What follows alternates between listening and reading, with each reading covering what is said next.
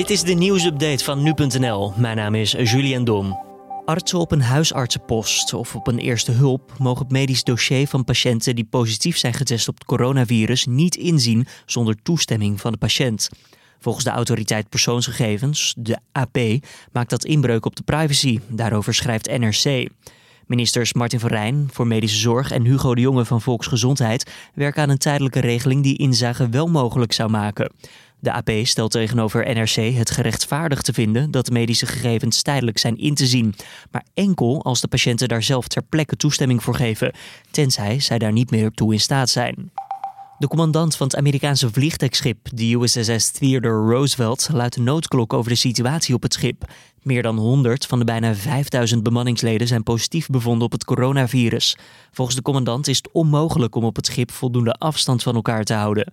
Maar het Amerikaanse ministerie van Defensie wil nog niet overgaan tot evacuatie van het schip. Wel zijn er momenteel extra hulpmiddelen onderweg naar het schip dat in de haven van Guam ligt, in de stille oceaan.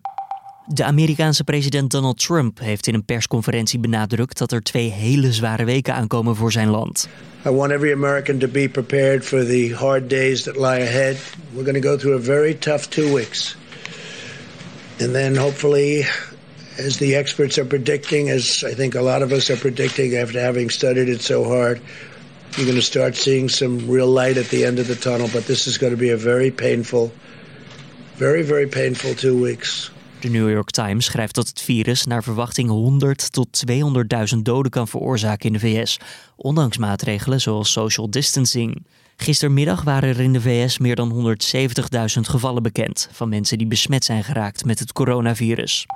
De eredivisie en de keukenkampioendivisie liggen nog zeker tot 1 juni stil vanwege de coronacrisis. Dat maakte minister-president Mark Rutte gisteren bekend. En die valt onder vergunnings- en meldingsplichtig. Dat betekent dat uh, de profvoetbalcompetitie, zoals u het noemt, betaald voetbal, stil ligt. Ook zonder publiek tot 1 juni. Tot 1 juni. Ja. Door de stillegging wordt het steeds lastiger voor de KNVB om het huidige seizoen rond te krijgen. Volgens de reglementen moeten deze voor 1 juli worden afgerond. Op die datum lopen namelijk veel spelerscontracten af. De Europese Voetbalbond, UEFA, buigt zich later vandaag over het vraagstuk of er een uitzondering gemaakt kan worden voor competities om deze ook na 1 juli af te ronden. Meer nieuws over voetbal. De internationale spelersvakbond FIFPro kan het namelijk niet over uit dat ondanks de wereldwijde uitbraak van het coronavirus nog gewoon wordt gevoetbald in Wit-Rusland. De organisatie zegt dat het indruist tegen het gezonde verstand. In heel Europa liggen de competities noodgedwongen stil, maar in Wit-Rusland ging deze maand juist een nieuw seizoen van start. Ook komend weekend staat weer een volledige speelronde op het programma, waarbij zelfs publiek aanwezig is. Vivpro roept op om de competitie stil te leggen in het land, maar het is nog maar de vraag of die oproep serieus wordt genomen door de Wit-Russische president Alexander Lukashenko. Die grapte onlangs nog dat mensen maar meer wodka moeten drinken om het virus af te wenden. En dit was dan weer de nieuwsupdate.